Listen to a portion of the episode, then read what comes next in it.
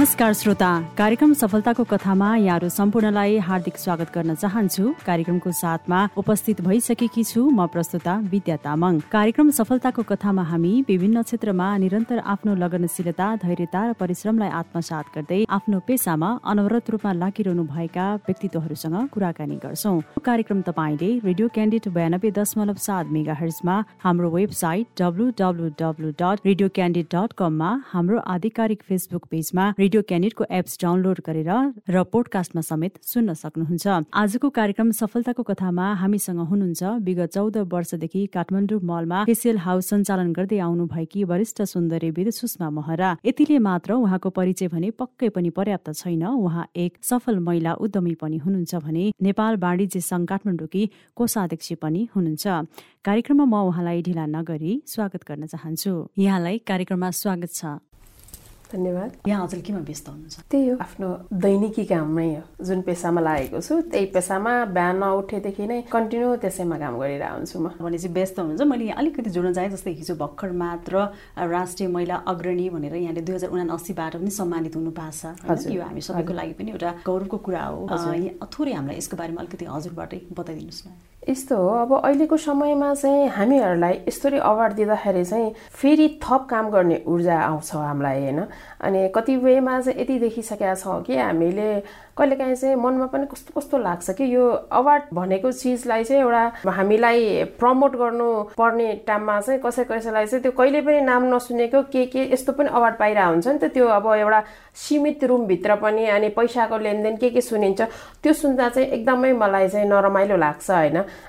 Award भनेको चिज चाहिँ यस्तो चिज हो जसले चाहिँ हामीलाई अवार्ड दिन्छु भनेर कुनै सङ्घ संस्थाले बोलाउनु भयो यस्तो गर्नुभयो भने हामीलाई चाहिँ अझै मोटिभेसन हुन्छ अझ काम गर्ने ऊर्जा चल्छ। म चाहिँ अहिलेसम्म चाहिँ त्यही रूपमा लिन्छु। जति पनि सङ्घ संस्थाले मलाई चिन्नु भएको छ म जुन किसिमले जुन फिल्डमा काम गरेर हिँडेको छु मलाई चाहिँ मेरो कामलाई कदर गर्नुभएको हो है भन्ने हिसाबले म लिन्छु होइन। अनि मलाई चाहिँ उहाँहरूले त्यसरी बोलाउँदाखेरि चाहिँ मेन कुरा भनेको चाहिँ झन् बढी अझै मैले काम गर्नु छ है भन्ने लाग्छ मलाई चाहिँ होइन। तर जुन विकृति आइरहेको छ हरेक फिल्डमा छ यसमा पनि कतिवटा विकृति आएछ विकृति चाहिँ आउन नदिनु भन्छु म सबैलाई चाहिँ। जस्तो मै आफै पनि मेरो आफ्नै म्यागजिन पनि छ कर्पोरेट हामीले इयरली हामीले कर्पोरेट अवार्ड पनि गर्छौँ। नेपालको एउटा बिजनेस फिल्डमा चाहिँ कसले चाहिँ अग्रज भएर चाहिँ कसरी अगाडि बढेर चाहिँ उहाँहरूले काम गरिराख्नु भएको छ त्यसको कदर गरेर दिन्छौँ क्या हामीले होइन? नितान्त त्यही होस् भन्छौँ क्या हामी। त्यो भयो भने के हुन्छ भने अझै बढी काम गर्ने जोस जागर झन् ओहो यो पाएपछि त झन् गर्नुपर्छ यसको लाज राख्नुपर्छ है भन्ने लाग्छ अनि त्यसरी गर्नुपर्छ भन्छु। त्यसरी संस्थाले बोलाइदिनुहुन्छ। बेला बेलामा कहिले काहीँ मेरो कम्पनीको नामबाट मलाई दिनुहुन्छ कहिले मेरो आफ्नो कामको हिसाबले दिनुहुन्छ। खुसी लाग्छ। एकदमै हामीलाई पनि पक्कै खुसी लाग्छ होइन? यहाँले आफ्नो कामबाट जुन एउटा पेसा अँगालिरहनु भएको छ त्यो भएर आफूले सम्मान पाउँदाखेरि यसमा चाहिँ अझ प्रोत्साहित भएर चाहिँ हामीले अगाडि बढ्नुपर्छ है भन्ने कुरा त हुन्छ। तर जुन एउटा विकृति आइरहेछ होइन? त्यसले चाहिँ एउटा मान्छेलाई हतोत्साहित गर्ने काम चाहिँ धेरै गरिरहेछ। एकदमै। त्यो सुन्दै नसुनेको चिन्दै नचिनेको मान्छेहरूलाई चाहिँ दिँदाखेरि एउटा सीमित अवार्ड पायो भनेर एउटा रुममा मात्रै गर्दाखेरि सीमित एउटा जोस अवार्ड छाप थाप्ने त्यो अवार्डको मान्छे मात्रै ताली बजाउने हुने अरू कोही पनि नहुने कहिले नसुनेको त्यस्तो चिजहरू हुँदाखेरि चाहिँ अलिकति नरमाइलो लाग्छ त्यस्तो चिजहरूमा चाहिँ। हजुर। अब अलिकति हामी यहाँ बाल्यकालपट्टि नै जाउँ न त। अब यहाँले सौन्दर्य क्षेत्रमा चाहिँ झन् दुई दशकभन्दा पनि बढी बिताइसक्नु भएको छ होइन? औपचारिक रूपमा अनौपचारिक रूपमा भने बाल्य अवस्थामा चाहिँ यहाँ कस्तो हुनुहुन्थ्यो? म अलिकति मान्छेले अहिले मेरो वयस्कर कपाल देखेर चाहिँ साडीमा पनि प्रायः चाहिँ मलाई साडीमै भेट्छ। सबै ड्रेसमा म बोइस कट कपाल लिएर हिँड्दाखेरि चाहिँ मान्छेहरूले चाहिँ जब मिडियामा मलाई चिनिन थालिसके पछाडि चाहिँ अचम्म लाग्ला। तर त्यो होइन मेरो मैले धेरैचोटि इन्टरभ्यू पनि भनेको छु। मेरो घरमा चाहिँ हामी पाँचवटा छोरी पाँचवटा छोरी मध्येमा चाहिँ मेरो म माथिको दुइटा दिदी बित्नुभयो। अहिले दुइटा दिदी हुनुहुन्छ। म सबभन्दा कान्छी छोरी। मलाई छोराको आश गरेर पाएको भएर चाहिँ म चाहिँ छोरी जन्मे पनि मेरो घरमा जन्मेदेखि नै मेरो बोइस कट कपाल काटिदिने अनि प्यान्टहरू लगाइदिने। अब काठमाडौँको जन्म। अनि त्यो हिसाबले गर्दा त्यही हिसाबले मलाई हुर्कायो। हुर्काएपछि चाहिँ जब अलिअलि सेन्स भएपछि आफूलाई थाहा भएपछि चाहिँ हल्का फुल्का नकल गर्थेँ। अलिकति कपाल पालेँ।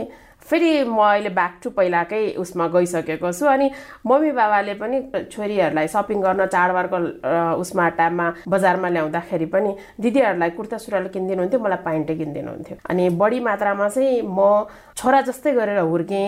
त्यो भएर पनि होला जस्तो लाग्छ। अनि म मेरो कहिलेकाहीँ चाहिँ के भन्छु भने दिदीहरूलाई पनि तिमीहरूलाई मम्मीले हुर्काएको मलाई बाबाले हुर्काएको भन्छु। म चाहिँ बढी बाबाको प्यारो। मलाई चाहिँ बाबाले हुर्काएर पनि होला। अलिकति छोरी मान्छेको कामभन्दा पनि लिडरसिप छोरा मान्छेको काम त्यस्तो त्यस्तोमा मलाई चाहिँ अग्र अग्रणी भएर चाहिँ लाग्ने म। किनभने मेरो बाबाले मलाई त्यही सिकाउनु भयो। अब छोरा छोरी मान्छे कहिले कता के कता के अर्कै किसिमको अनि भान्सामा खाना पकाउने लुगा धुने अलि हुन्छ नि घर व्यवहारको कामहरू त्यो थियो मलाई चाहिँ जा घरको कर तिर्न जानु छ पानीको ऊ तिर्न जानु छ यो यस्तो काममा लगाउनु हुन्थ्यो कि? त्यो हिसाबले हुनु त मेरो म पछाडि भाइ त जन्मियो तर पनि मलाई भाइ जन्मियो पनि मेरो घरमा गर्ने व्यवहार चाहिँ छोरीभन्दा पनि बढी छोरा जस्तै हुर्कायो। त्यो त्यो हिसाबले होला सानतिनो कुराले मलाई हतोत्साहित गर्दैन। एउटा लिडर टाइपको म मेरो बानी छ होइन? किन हामीलाई धेरै काम गर्नु छ। त्यो चिजलाई अड्केर बस्नुहुन्न भनेर चाहिँ म अघि बढ्छु अनि मलाई चाहिँ ओहो छोरी मान्छे यो गर्नुहुन्न यता जानुहुन्न त्यस्तो कस्तो गरेर हुर्काएन। मलाई जसरी हुर्काएँ म अहिले त्यसरी नै छु। त्यही भएर मेरो पनि एउटै मात्रै छोरा छ। मलाई लोलोपुतो गरेर उ गर्न आउँदैन। छोरा त झन् लड्नुपर्छ। मेन चाहिँ हामीहरूको नेचरमा चाहिँ सबभन्दा डिपेन्ड चाहिँ हाम्रो बच्चामा हुर्काइमा पनि पर्दो रहेछ। अनि सबैलाई म भन्छु बच्चामा हामीले चाहिँ अलिकति निडर भएर चाहिँ आफ्नो बालबच्चालाई चाहिँ हुर्काउनु पर्ने रहेछ भन्छु। मेरो बच्चा लड्यो के गर्यो भने ए लड्यो? ए के घाउ भयो औषध लगाऊ भन्छु। म त्यो लोलोपोतो गर्न जाँदिनँ। किनभने लाइफमा धेरै यस्तो चिजमा लडी बुढी गरेर अघि बढ्नु छ। किनभने मैले जन्मेर दुःख के हो नभोग्दा त जब मैले काम गर्न होमे यस्तो चिजहरू सिकेँ यस्तो चिजहरू देखेँ होइन? त्यो चिजले मलाई यति परिपक्व बनाएको छ कि यति परिपक्व बनाएको छ कि अब जस्तो चिज आए पनि म फाइट गर्न सक्छु। भनेपछि एकदमै हामीले निडर भएर जुन एउटा हाम्रो हुर्काइमा पनि एउटा फरक छ नि होइन? एउटा छोरा र छोरीमा पनि छोरी भने बित्तिकै एउटा घरको काम गर्नुपर्छ होइन? घरमै सीमित हुनुपर्छ के कसैले के भन्ने बोल्नु हुँदैन है होइन? त्यो बन्धनबाट पनि यहाँले चाहिँ परिवारको जुन एउटा सपोर्ट पाउनु भयो सानोमा होइन? त्यो कुराले गर्दा आफूलाई ग्रोअप गर्दै गरेर एउटा निडर व्यक्तिको रूपमा आज हामी सबैमा चिर चेत परिचित हुनुहुन्छ। अब मैले यहीँ अलिकति जोड्न चाहेँ यहाँलाई चाहिँ अब म सुन्दरी फिल्डमा लाग्छु भनेर अनौपचारिक रूपमा चाहिँ कहिलेदेखि आफूमा चाहिँ त्यो कुराहरूले प्रेरणा लिनुभयो यहाँ? हुन त धेरैजनाको आफ्नो किसिमको म चाहिँ यो बन्छु त्यो बन्छु भनेर मैले यो लागेँ भन्ने छ मेरो फरक छ। धेरैचोटि पनि भने मैले मेरो फरक छ। अहिलेको समाजमा अहिले पनि यो टाइममा पनि के छ भने छोरालाई यो बनाउँछु यो गर्छु। डक्टर इन्जिनियर विदेश पठाउँछु। यति पढिसकेपछि राम्रो कलेज राम्रो स्कुल पढाउँछु भन्छ। छोरीलाई त्यस्तो छैन। धेरै कम छ समाज। छोरीलाई यो बनाउँछु त्यो बनाउँछु। छोरी हुर्किएपछि पढाउँ बे गरिदिने सक्यो? ज्वाइँको हातमा दिएपछि। यो समाज छ नि त। म पनि त्यही समाजमा हुर्केर आएको मलाई पनि यस्तो बनाउँछु। मेरो बाबाले पनि मेरो मम्मीले पनि सोच्नु भएको थिएन। छोरा मान्छे जसरी त हुर्कायो तर मेरो भविष्य सोच्नु भएको थिएन। छोरा मान्छेलाई चाहिँ यो गर्छु त्यो गर्छु भन्ने समाज छ। यस्तो हुर्किँदाखेरि म पनि त्यसरी नै हुर्केँ। अनि जब एसएलसी पछाडिको टाइममा चाहिँ मेरो आफ्नो बेस्ट फ्रेन्डहरू चाहिँ कोही कता जाने कोही के सिक्ने कम्प्यु पहिला पहिला सिक्ने भनेको के थियो? कम्प्युटर अनि ल्याङ्ग्वेज थियो। अनि त्यस पछाडि सिलाइ अनि त्यहाँबाट ब्युटिसियन मेरो बेस्ट फ्रेन्डहरू चाहिँ ब्युटिसियन सिक्न जाने भन्ने कुरा गरिसके पछाडि चाहिँ त्यो फ्री टाइममा अहिले पो त्यो ओ लेभल यो त्यो पढाउँछ। पहिला त त्यस्तो थिएन हाम्रो पालामा। अनि त्यो खाली टाइममा चाहिँ त्यो भनिसके पछाडि चाहिँ मेरो साथीहरू यस्तो जाने रे भन्दाखेरि चाहिँ मम्मी बाबाले नाइ चाहिँ भन्नु भएन। मलाई चाहिँ ल ठिकै छ जाऊ न त सिक न त तिमी पनि भन्नुभयो। त्यही साथीभाइको लैलैमा लाएर सिकेँ। सिक्दाखेरि चाहिँ के भयो भने मेरो नेचर कस्तो थियो भने कुनै चिजमा म हात हाल्दिनँ। हात हालेपछि चाहिँ डिपली जाने बानी छ। त्यसले चाहिँ मलाई सिकिसके पछाडि चाहिँ मैले त्यसलाई निरन्तर दिएँ। होइन? निरन्तर दिएँ। निरन्तर दिएपछि म छिटो नै बे भयो। मेरो प्लस टू पछाडि नै बे भयो। बे भएपछि चाहिँ मैले यस्तो चिज पाएँ कि मैले मेरो म्यारिडभन्दा अगाडिको लाइफभन्दा म्यारिड पछाडिको लाइफ एकदमै अन्डरस्ट्यान्डिङ अनि फ्रिडम पनि पाएँ। फ्रिडममा हामीले मिसयुज गर्न पनि सक्थ्यौँ तर मैले राइट चिजलाई चाहिँ युटिलाइज गरेँ। तिमी पढ्छौ भने पनि अझ कन्टिन्यू पढ या कुनै फिल्ड रोज्छौ भने पनि कन्टिन्यू तिमीले फिल्ड रोज भनेर। यस्तो सपोर्टेड फ्यामिली पाइसकेपछि हस्बेन्ड पनि सपोर्टेड पाइसके पछाडि चाहिँ म डिपली जाँदा जाँदा जाँदा आज यो ठाउँमा छु। अझै पनि यो फिल्डलाई सिकिरहेको छु। अस्ति पनि म आउट अफ कन्ट्री गएर आएँ। कतिवटा चिज सिकेर आइरहेको छु। किन त भन्दाखेरि यो चिज भनेको मेरो फिल कस्तो भइदियो भने कहिले पनि सिकेर नसकिने मेरो फिल्ड नयाँ नयाँ टेक्नोलोजी आइहाल्छ नयाँ नयाँ चिजहरू आइहाल्छ। त्यो चिजहरू हामीले सिक्यौँ भने त हामीले त्यही किसिमको कस्टमरलाई पनि सेवा दिन सक्छौँ। आफूलाई पनि ज्ञान भयो कसैले केही भन्दाखेरि ए मलाई त्यो विषयमा ज्ञान छैन छैन है भन्न पनि पाएनौँ नि त। फेरि एज अ एउटा टिचरको रूपमा पनि म पढाउँछु पनि मेरो स्टुडेन्टलाई उनीहरूलाई त सबै चिजहरू बताउनु पर्ने हुन्छ। अनि पहिला आफूले ज्ञानै नलिकन त सक्दैन। त्यो हिसाबले गर्दाखेरि आजको दिनसम्म पनि अझै पनि म सिकि नै राखेको छु पढि नै राखेको छु। यो फिल्डमा चाहिँ काम गर्न यही मजा छ कि नयाँ नयाँ आइरहेको छ। पुरानो एउटै गर्दा त झ्याउ पनि हुन्छ नि त।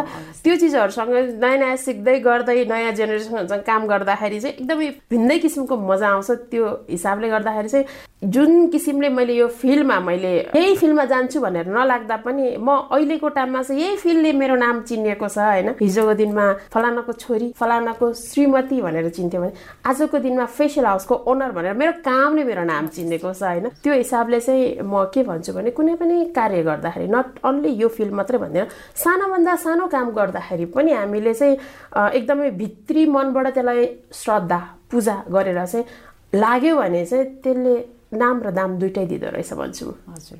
भनेपछि कुनै हामी काम गर्छौँ भने त्यसलाई चाहिँ अझ फोकस गरेर होइन निरन्तरता दिन सक्यौँ त्यसमा अझ गहिराइमा जान सक्यौँ भने चाहिँ हामीले पक्कै पनि सफलता प्राप्त गर्छौँ। मेन कुरा भनेको के छ भने जन्मेपछि मृत्यु निश्चित छ। अभियसली त्यो त कसैले टार्न सक्दैन। कति लाइफको यस्तो पार्ट आएको छ मैले मृत्युको नजिक पनि पुगेको छु म। धेरैवटा इन्टरभ्यूमा भनिसकेको छु। मर्ने कस्तो हुँदो रहेछ भन्ने पनि अनुभव गरिसकेको छु। लाइफ सकियो मेरो केही छैन अन्धकार पनि देखिसकेको छु। तर कस्तो हुँदो रहेछ भने ती सबै चिजहरू भोगेर आइसके पछाडि चाहिँ जब मैदानमा हामी आउँछौँ काम गर्नको लागि मैदानमा आइसके पछाडि हामीलाई कुनै पनि चिजहरू बाधा अडचनहरूले कसैले पनि रोक्न नसक्ने रहेछ। किनभने हामी लास्टमा त मर्नु नै हो नि त। कसैले पनि अजम्बरीको बुटी खाएको छैन। मात्र एउटै भन्छु कि म म लिएर होइन मेरो मृत्युमा केही चिज दिएर मर्न चाहन्छु। मात्र यति हो किनभने यही नितान्त भएर लागेको छु। जसरी मैले मैले सिप सिकेँ म एउटा सम्पन्न परिवारबाट आएँ र सिपले गर्दाखेरि मैले खोलेको कम्पनीले कति धेरैले रोजीरोटी पाएको छ। होइन कति धेरैको घर चलिरहेको छ कति धेरैलाई चाहिँ विदेशमा पनि काम पाइराख्नु भएको छ।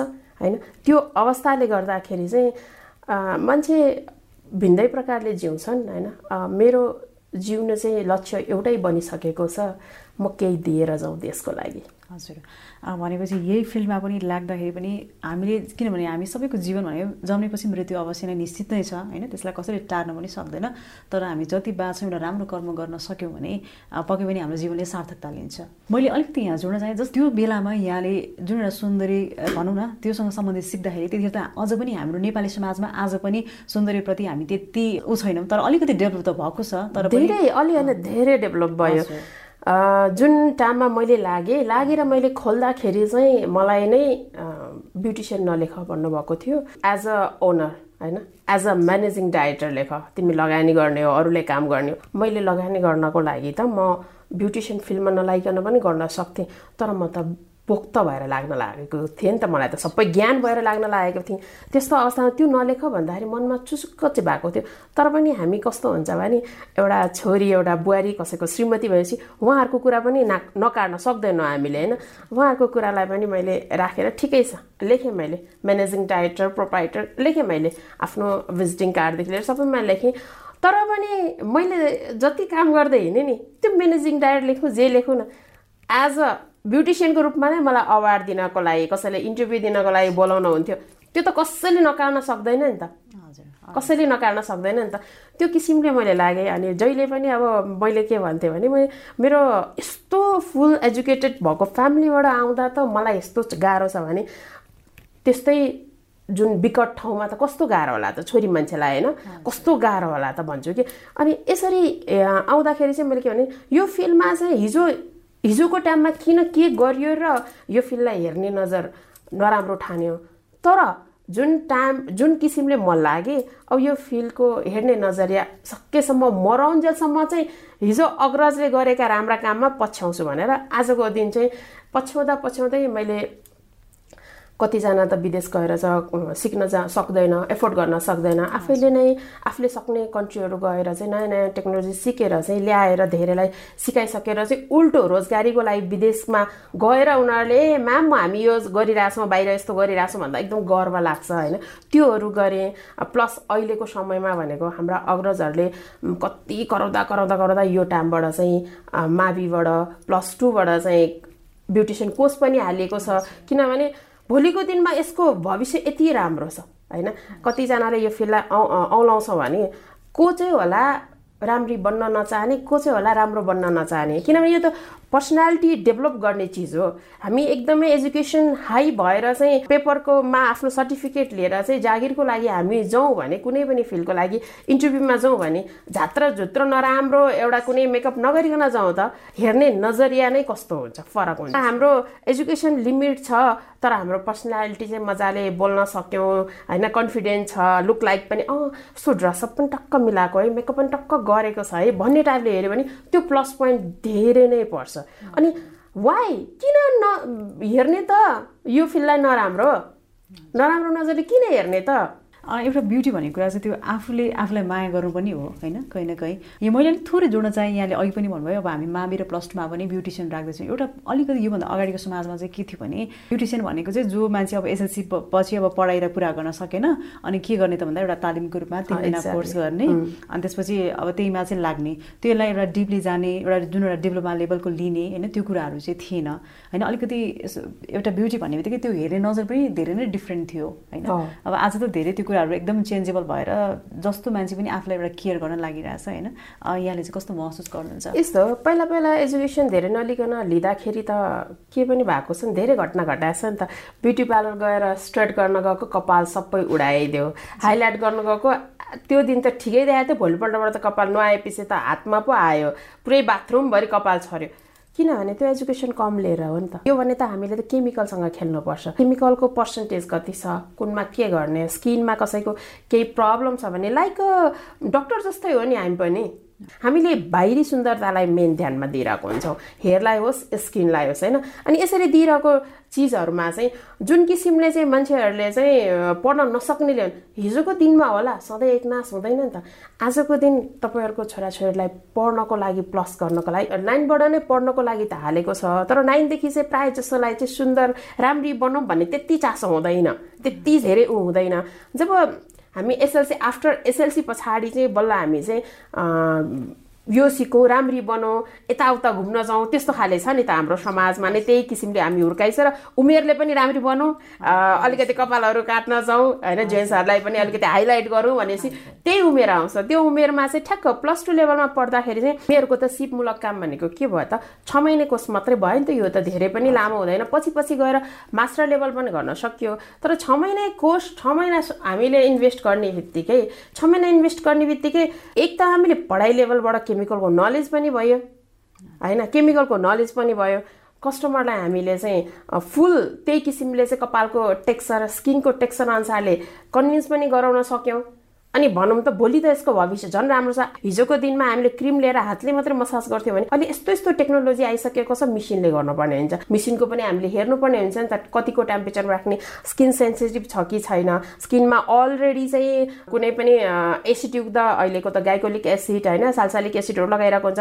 एसिडयुक्त स्किनमा क्रिमहरू लगाइरहेको छ सेन्सिटिभ बनाएको छ भने मिसिनले कतिको लगाउन मिल्छ? उसको स्किनमा रेडनेस आउने हो कि फेरि आफ्टर फेसियल पछाडि ऊ कतै जानुपर्ने छ भने उसको त स्किनमा त एलर्जी बनाएर पठाउने कुरा आउँदैन।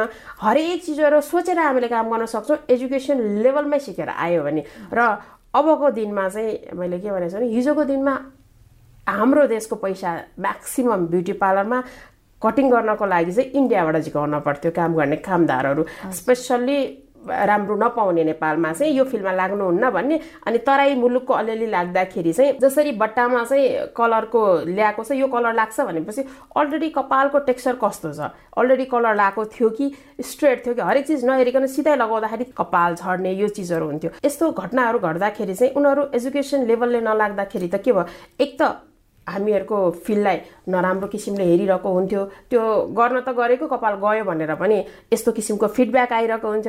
अर्को किसिमको हाम्रो देशको पैसा इन्डिया मुलुक गइरहेको हुन्थ्यो। यस्तो अवस्थामा छ हामीले हाम्रो देशको पैसा हाम्रै देशमा राख्न सक्छौँ यो फिल्डमा लाग्दाखेरि होइन? छ महिना इन्भेस्ट गर्ने बित्तिकै छ महिना पढ्ने बित्तिकै हामीले इलेभेन पढ्दा पढ्दै टुवेल्भसम्म त आफ्नो खर्च निकालिसक्छौँ। किन त जागिर पाइसकेको हुन्छौँ। अनि झन् विदेशमा के छ? एकदमै राम्रो राम्रो अपर्च्युनिटी छ। ब्युटिसियन भनेपछि यति राम्रो। पहिला पहिला त खाडी मुलुकमा मात्रै जान्थ्यो अहिले त भनौँ न पढ्नको लागि नै जापानले पनि खोलिसकेको छ। धेरै कन्ट्रीहरूमा राम्रो छ। आफ्नो कोही फ्यामिली युएस छ क्यानाडा छ हरेक राम्रो कन्ट्रीमा छ भने यो फिल्डको लागि भन्नु त आफ्नो मान्छेहरूले यति मजाले तान्नुहुन्छ। किन त भन्दा धेरै स्कोप छ। अहिलेको टाइममा चाहिँ थापा जातको पनि ढुङ्गाना जातको पनि होइन मगर जातको पनि सबै जातकोहरूले लाग्नु भएको छ। खुसी लाग्छ। ए मेरो फिल्ड अब प्रगति हुँदैछ राम्रो हुँदैछ है भन्ने लागिरहेको छ। हुन त पचपन्न सालमा यो फिल्डमा लागेको हो खोल्न मैले खोलेको चाहिँ चौध वर्ष भयो। तर पनि चौध वर्षको दौरानमा जेन्स पार्लर भनेको चाहिँ न्यून थियो एउटा निल डेभिडको मात्रै थियो। उहाँले चाहिँ खोल्नु भएको चाहिँ मभन्दा अलि अगाडि हो। त्यो हिसाबले चाहिँ लेडिज जेन्ट्स एउटै पार्लरमा आउने वातावरण चाहिँ धेरै कम थियो। सबभन्दा मेन चाहिँ त्यहाँनिर थियो होइन। अनि जेन्ट्सले कपाल काट्ने छुने भनेपछि चाहिँ अलिकति हिचकता देखाउँथ्यो मान्छेहरूले होइन? तर जुन ट्रेन्डमा चाहिँ मैले त्यतिखेरदेखि नै मसँग चाहिँ आफूले बोल्ने बोलिराख्ने बानी भएको भएर चाहिँ मिडिया पकड धेरै राम्रो भयो। लेडिजहरूले लाग्ने यो फिल्डमा मात्रै होइन हरेक फिल्डमा चाहिँ फ्यामिली सपोर्ट नभइकन हामी सक्दैन होइन? चुनौती भनेको काम गर्न उत्तिरता मात्रै हुँदैन घरैबाट सुरु हुन्छ कि? अनि मैले अघि पनि भनिहालेँ मैले बरु मैले बे नगरेको बेलामा बरु मलाई गाह्रो थियो घरबाट निस्किने एउटा सीमित ऊ मात्रै थियो नराम्रो बाटोमा हिँड्ला कि छोरी के गर्ला कि भन्ने एउटा ऊ हुन्थ्यो। तर विवाह पछाडिको मेरो हस्बेन्डले चाहिँ जुन किसिमले सपोर्ट गर्नुभयो मलाई र जुन किसिमले मलाई सपोर्ट र विश्वास गर्नुभयो त्यो विश्वासमा मैले काम गरेर आजको दिनमा आफूले खडा गरेको कम्पनी यो कम्पनीको नाम पनि मेरो हस्बेन्डले नै लेखिदिनु भएको हो। यसरी आउँदाखेरि चाहिँ म हरेक टाइममा म के भन्छु भने नारी एउटा पूर्णता हुनको लागि चाहिँ फ्यामिली सपोर्ट बाबा मम्मीबाट होस् या हस्बेन्डबाट होस् हामीले फ्यामिली सपोर्ट फर्स्टमा गर्नुपर्छ। साथीभाइ छरछिमेकी भनेको त छँदैछ होइन? माइन्ड फ्रेस भएन राम्ररी खुसी भएर मेरो परिवारले काम गर्न पठाएको छैन भने तब त मैले त्यो बाहिर आएको चुनौती उ गर्नै फेस गर्नै सक्दिनँ नि काम स्माइल दिएर काम गर्नै सक्दिनँ। फेरि मेरो फिलै के भयो? राम्री बनाउने फिल भयो। आफै राम्री भएर स्माइल दिनुपर्ने अवस्थामा मै टेन्सन भयो भनेर बस्यो भने त त्यो त के हुन्छ? अनि त्यो भएको भएर चाहिँ फर्स्टमा चाहिँ लेडिजहरूलाई महिलाहरूलाई काम गर्नको लागि हामी जुनै क्षेत्रमा पनि काम गर्न सक्छौँ सक्सेस हुन सक्छौँ तर पहिला सुरुमा हाम्रो परिवारले हामीलाई जुन किसिमले विश्वास दिनुहुन्छ र त्यो विश्वासमा हामी खडा भएर काम गर्नुपर्छ। हजुर भनेपछि एउटा परिवारको सपोर्ट र बिहेपछि चाहिँ एउटा हस्बेन्डको सपोर्ट पाउनुभयो भने होइन पक्कै पनि हामीले जुन एउटा कुरा चाहेको छौँ त्यसलाई चाहिँ एउटा सफलताको रूपमा अगाडि बढाउन सक्छौँ। एकदमै। हजुर। अब फेसियल हाउसमा जस्तै पहिला चाहिँ के थियो भने एउटा ब्युटी भन्ने बित्तिकै छोरी मान्छे मात्र भन्ने कुरा थियो। अहिले त धेरै चेन्जेबल भइसक्यो। एउटा छोरा मान्छेहरू पनि छोरी मान्छेको पार्लरमा पनि जान थाल्नु भएको छ होइन? जो हाम्रो समाज अलिकति परिवर्तन हुँदैछ है भन्ने कुरा धेरै परिवर्तन आउनुहुन्छ लेडिजहरू होइन? अन्त एउटा लेडिजले पनि काट्ने छ मेरोमा कट कटिङहरू गर्ने जेन्ट्सले पनि काट्ने छ। तर धेरैको डिमान्ड के हुन्छ? भाइहरूले काटिदिनुहुन्न भाइहरूले भन्नुहुन्छ भनेपछि त परिवर्तन छ। छ। केटा मान्छेहरूको त झन् हामी मेरोमा त धेरै जसो तपाईँहरूले देख्नुहुन्छ सोसियल मिडियामा हालिरहेको हुन्छु। लेडिज र जेन्ट्स बराबर कस्टमर हुनुहुन्छ मेरो। हजुर। अब यहाँले यसरी अब एकातिर उद्यमी पनि हुनुहुन्छ होइन? कोषाध्यक्ष पनि हुनुहुन्छ उद्योग सङ्घ भने समयको व्यवस्थापन चाहिँ कसरी गर्नुहुन्छ? मेन कुरा भनेको मैले अघि पनि भनिहालेँ। फ्यामिली सपोर्ट सबभन्दा फर्स्टमा चाहिन्छ र मैले सबै चिजहरू एकैचोटि त हुरेर आउँदैन नि त टाइम म्यानेज गर्छु। घरमा म हस्बेन्डको वाइफ पनि बन्छु घरमा म मेरो छोराको मम्मी पनि बन्छु अफिसमा आएर एउटा ओनरको हिसाबले पनि मैले काम गरिरहेको हुन्छु। काठमाडौँ मलको त म अध्यक्ष भएर काम पनि गरिसकेको मान्छे र मैले गरेको कार्यकालमा चाहिँ मैले व्यापारीहरूलाई चाहिँ एउटा न्यूनतम भाडा दरमा व्यापार गर्न पनि राखेको थिएँ। तर आजको दिनमा चाहिँ मैले त्यो पोस्ट छोडिदिइसकेको छु। आमाले जसरी आफ्नो पेट काटेर आफ्नो बालबच्चालाई हुर्काएको जस्तै गर्छ जब आइमी मान्छे स्थानमा पुग्छ भने। अनि मैले मेरो खुट्टा तान्नको लागि अझ आइमे भन्दा मान्छे भन्दा पनि बढी पुरुष छ क्या। अनि म एउटा आइमे भएर त यस्तो चुनौतीहरू उ गरिरहेको हुन्छु। अनि त्यही कुराहरू चाहिँ पाठहरू मेरो मेरो स्टाफहरूलाई मेरो स्टुडेन्टहरूलाई त्यही पाठहरू सिकाउँछु यस्ता चिजहरू आउँछ तर हतोत्साहित नहो। अनि त्यो हिसाबले गर्दाखेरि एउटै भन्छु काम गर्न नितान्त जब आफू राइट वे छ भने कतै केही नहेरिकन स्ट्रेट काम गर्ने होइन त्यो कामले नाम र दाम दुवै दिन्छ भन्छु। अब अन्तमा मैले थोरै एज अ यहाँ वरिष्ठ सौन्दर्यविद भएको नाताले पनि प्रश्न भन्दा पनि एउटा सुझाव भनौँ न होइन टिप्स हामी सबैको लागि अब हामी साधारणतः हिँड्दाखेरि अथवा कहिलेकाहीँ टाइमको व्यस्तता हुन्छ हामी नेचुरली चाहिँ हामी आफूलाई टिपटप बनाउन चाहिँ के गर्न सक्छौँ?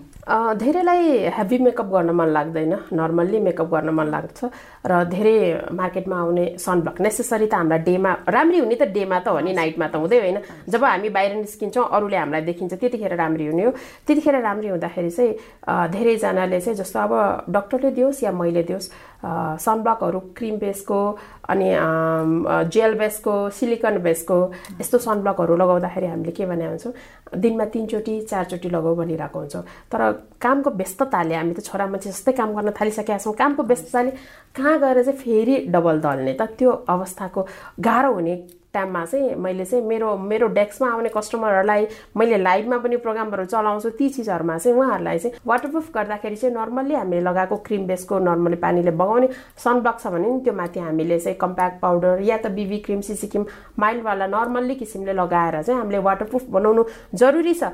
अब यहाँ नेपालको एउटा वरिष्ठ सौन्दर्यविद हुनुभएको छ। पक्कै पनि हामी सम्पूर्णको लागि धेरै नै प्रेरणादायक कुरा हो होइन? धेरै जिन्दगीमा जीवनमा चाहिँ धेरै आरो अवरोह पक्कै पनि सबैको आउँछ होइन? चुनौतीहरू आउँछ। आउँछ तर त्यसलाई निडर भएर लागेर आज पनि यही पेसालाई निरन्तरता दिइरहनु भएको छ होइन? यहाँले आफ्नो संस्थाबाट भनौँ न त्यहाँबाट जुन एउटा शिक्षा दिएर पठाएका विद्यार्थीहरू आज देश विदेशमा पनि काम गरिरहेका छन् होइन? जो यहाँको लागि पनि हामी पक्कैको लागि पनि गौरवको विषय हो किन भन्दाखेरि उहाँले रोजगारी पाइरहनु भएको छ होइन? जसले गर्दा नेपाललाई पनि एउटा आर्थिक रूपमा पनि यसले सबल बनाएको छ।